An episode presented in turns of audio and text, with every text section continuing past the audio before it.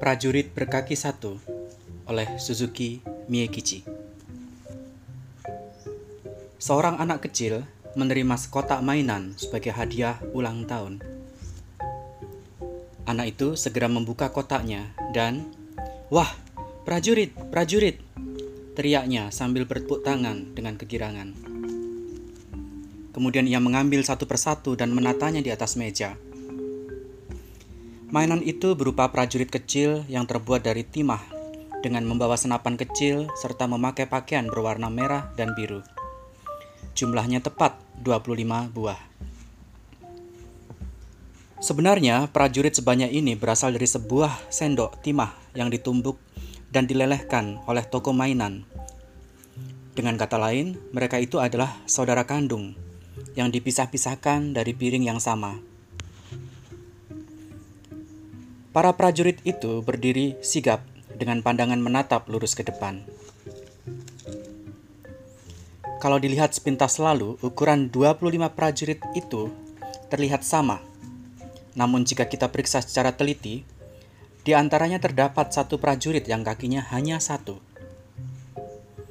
Ini terjadi mungkin karena pada saat proses pembuatannya, ia merupakan bagian terakhir yang kekurangan timah.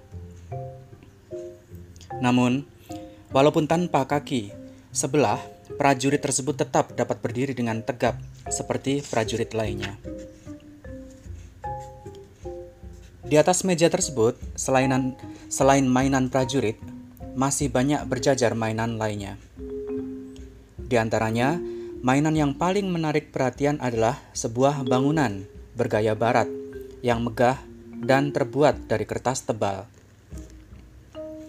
Jendela di kamar-kamarnya dilubangi dengan rapi, dan bila menengok ke dalamnya, suasana di dalam kamar dapat terlihat dengan jelas. Berikutnya, tepat di depan pintu masuk bangunan, terdapat sebuah kolam bundar yang dikelilingi oleh jajaran pohon-pohon rendah berwarna hijau. Kolam itu terbuat dari cermin di dalamnya terdapat beberapa angsa kecil yang bayangannya terpancul, yang bayangannya terpantul menari-nari di atas cermin. Sebuah pemandangan yang benar-benar cantik. Namun ada yang lebih cantik daripada kolam tersebut, yaitu seorang wanita yang berdiri di atas tangga batu pintu masuk. Ia terbuat dari kertas tebal, namun pakaian atasnya terbuat dari kain yang bermutu bagus, dari leher hingga punggungnya terjuntai seut seutai pita hijau kecil penghias kerah pakaian. Hiasan kerah tersebut terbuat dari kertas emas yang berkilauan. Kemudian, di dada wanita tersebut terpasang sekuntum bunga mawar yang besar. Ukurannya kira-kira sebesar kepala sang wanita. Wanita itu membuka kedua lengannya, lalu mengangkat sebelah kakinya tinggi-tinggi, dan menari tarian kegemarannya. Kaki yang diangkat ke atas itu sangat tinggi, bahkan melebihi posisi kepalanya. Sehingga kalau dilihat sepintas lalu, kita tidak akan tahu di mana posisi kaki sebelahnya. Setelah melihat pemandangan itu, prajurit berkaki satu berkata, "Oh, orang itu juga hanya memiliki satu kaki." Aku baru mengerti Ternyata di dunia ini ada orang yang seperti aku. Baiklah, mulai sekarang aku akan menjadi teman orang itu. Tapi wanita itu tinggal di rumah bergaya barat yang megah. Mungkin undangan bagi orang yang tinggal di rumah seperti rumahku ini tidak akan pernah datang. Karena aku tinggal bersama 24 tentara lainnya di dalam sebuah kotak yang penuh sesak seperti ini. Sang prajurit berkaki satu berjinjit untuk melihat sang wanita itu dari belakang sebuah kotak bekas tempat penyimpanan tembakau yang kini menjadi tempat tinggalnya.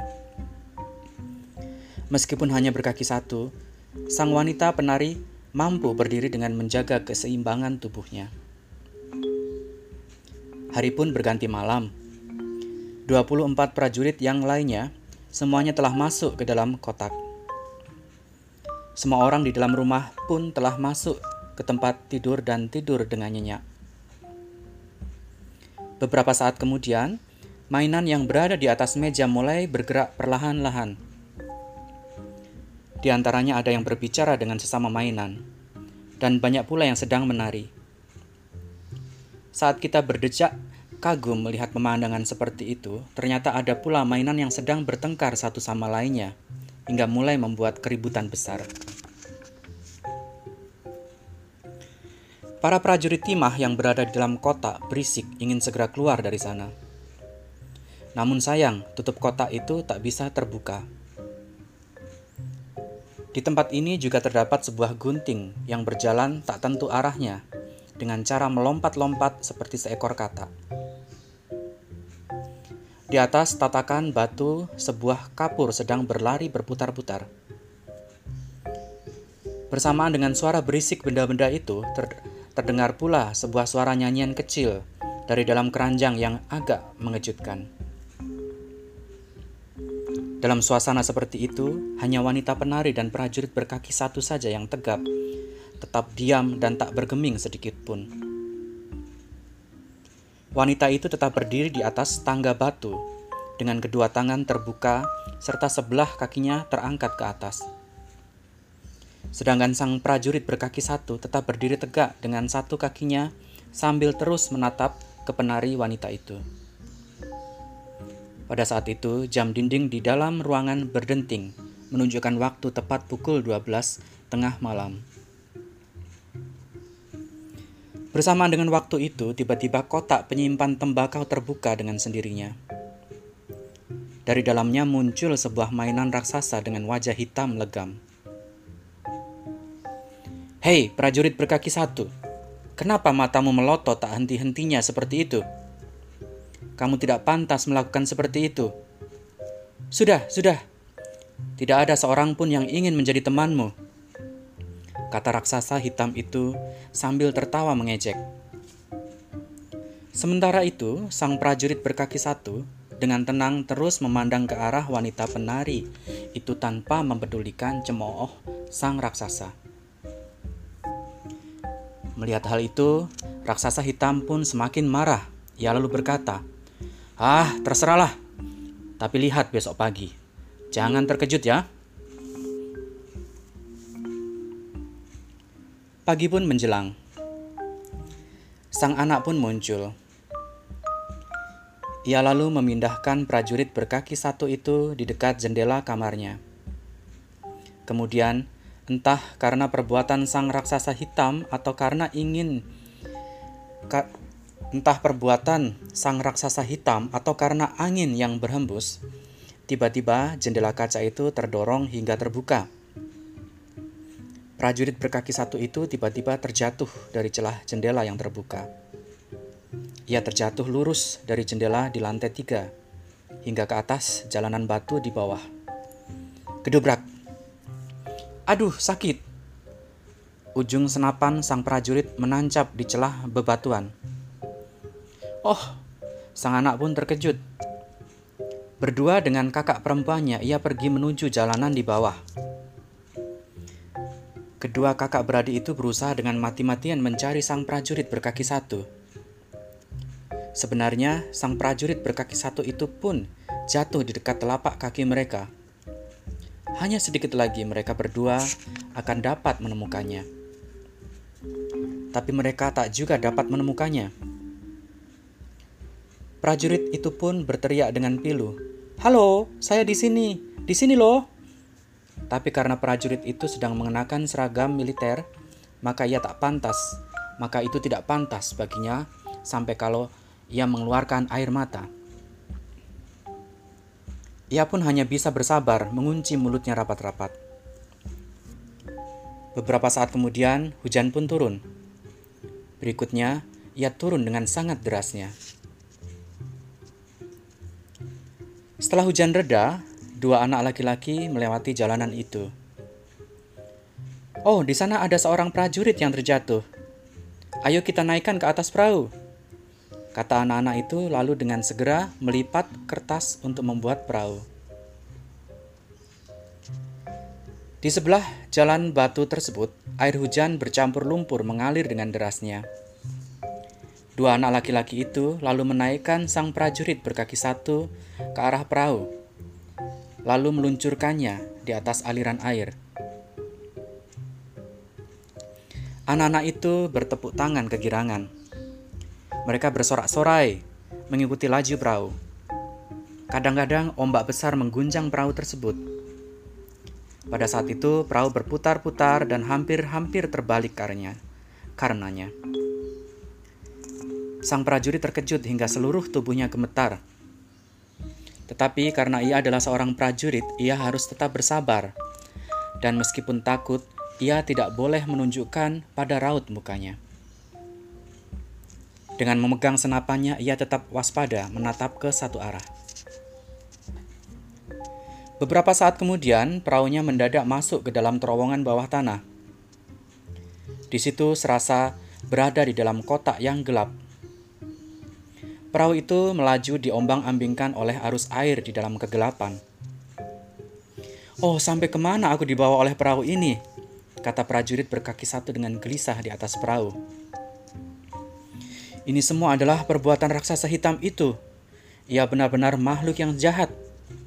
Seandainya aku naik dengan wanita penari itu, dua kali lipat lebih gelap dari yang sekarang pun, mungkin aku akan tenang.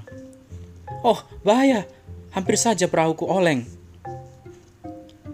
Wajah prajurit berkaki satu itu pun menjadi pucat pasi.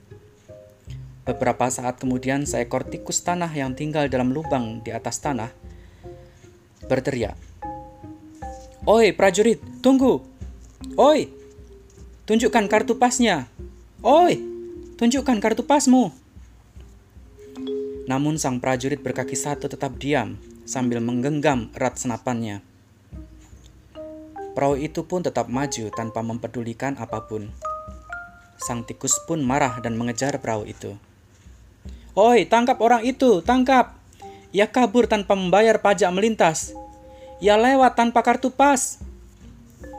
Tikus berteriak meminta tolong kepada potongan kayu dan jerami yang berada di samping perahu sang prajurit. Pada saat itu, arus air tiba-tiba menjadi deras. Laju perahu pun menjadi sangat cepat. Akhirnya dari arah depan terlihat cahaya terang dari luar. Oh syukurlah, akhirnya bisa keluar dari tempat yang gelap menuju tempat terang. Kata sang prajurit di dalam hati. Namun tiba-tiba, krok, krok, terdengar suara keras yang hampir memecahkan gendang telinga.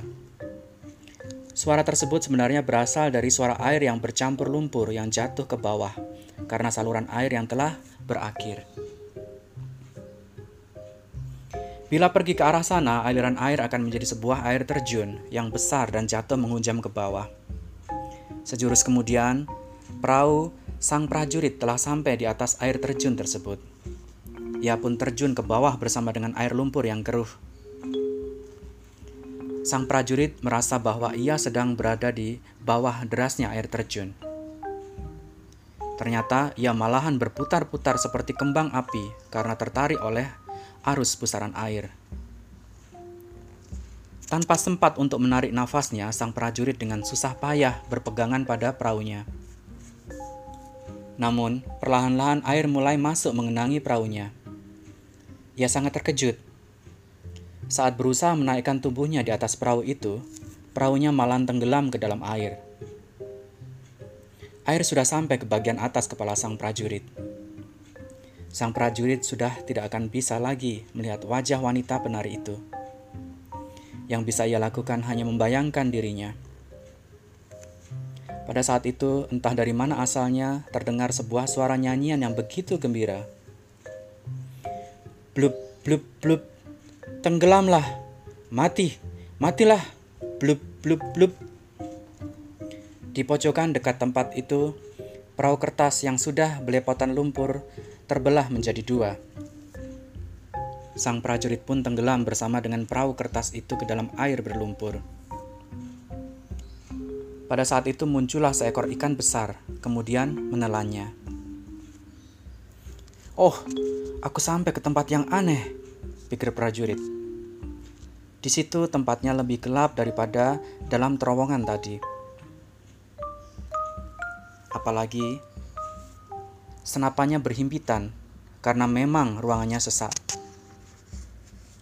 Tetapi sang prajurit sudah pasrah. Apa pun yang terjadi, terjadilah. Ia menggenggam senapannya dengan erat, menegakkan tubuhnya, dan sambil berbaring ia bergulung-gulung di tempat itu. Sementara itu, sambil menelan tubuh sang prajurit, ikan tersebut berenang ke sana kemari dengan gesitnya. Entah sudah berapa lama sang prajurit terbaring di sana. Pada akhirnya terdengar suara sebuah pukulan. Duk dari atas. Beberapa saat kemudian, seperti sebuah kilatan cahaya, tiba-tiba di hadapannya menjadi terang benderang. Pada saat yang bersamaan, terdengar suara seorang perempuan yang berkata dengan lembut, "Oh, ada prajurit seperti ini di dalamnya." Ia adalah juru masak di sebuah rumah. Entah sejak kapan ikan itu akhirnya tersangkut pada jala seorang nelayan. Ia lalu dijual ke pasar dan pada akhirnya datang ke dapur ini. Sambil tertawa, juru masak itu menjepit tubuh sang prajurit dengan ibu jari dan jari telunjuknya, lalu membawanya ke ruangan lain. Semua orang yang hadir di sana memberikan komentar bermacam-macam saat datang untuk melihat penemuan yang aneh itu. Meski dikatai berbagai macam, prajurit berkaki satu itu tetap menunjukkan wajahnya yang seram. Beberapa saat kemudian, entah siapa yang telah mengangkatnya, prajurit itu sudah berada di atas sebuah meja. Dengan diam-diam, ia lalu menebarkan pandangannya ke sekeliling tempat itu. Ia merasa telah menjadi sesuatu yang ganjil. Bukankah meja itu adalah meja yang sama ketika prajurit itu datang pertama kali? Tentu saja, ruangan itu pun adalah ruangan yang sama. Sejurus kemudian, anak laki-laki yang sama pun ada di sisinya. Lalu, di atas meja tersebut juga terdapat teman-teman yang sama dengan sebelumnya, dan jumlah mereka pun tetap sama. Wanita penari itu juga tetap sama, berdiri di atas sebuah tangga batu di pintu masuk. Dengan kedua belah tangan terbuka menghadap atas dan menari dengan satu kaki.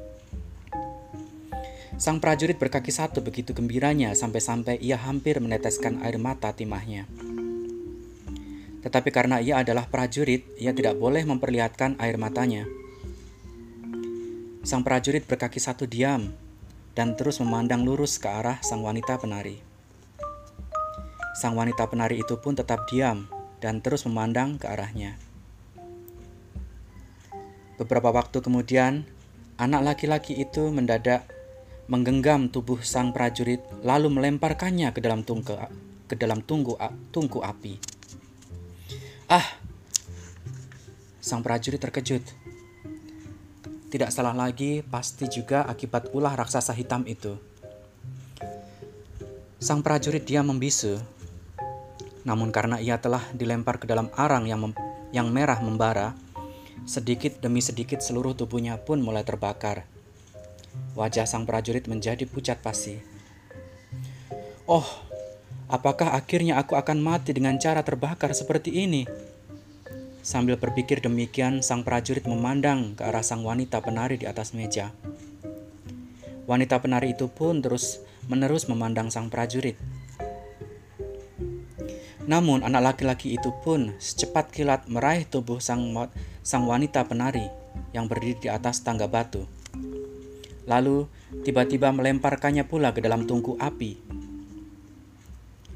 Wanita penari itu datang ke sisi sang prajurit berkaki satu namun, saat sampai di sana, dari kepala hingga ujung kakinya, sedikit demi sedikit terbakar dengan hebatnya.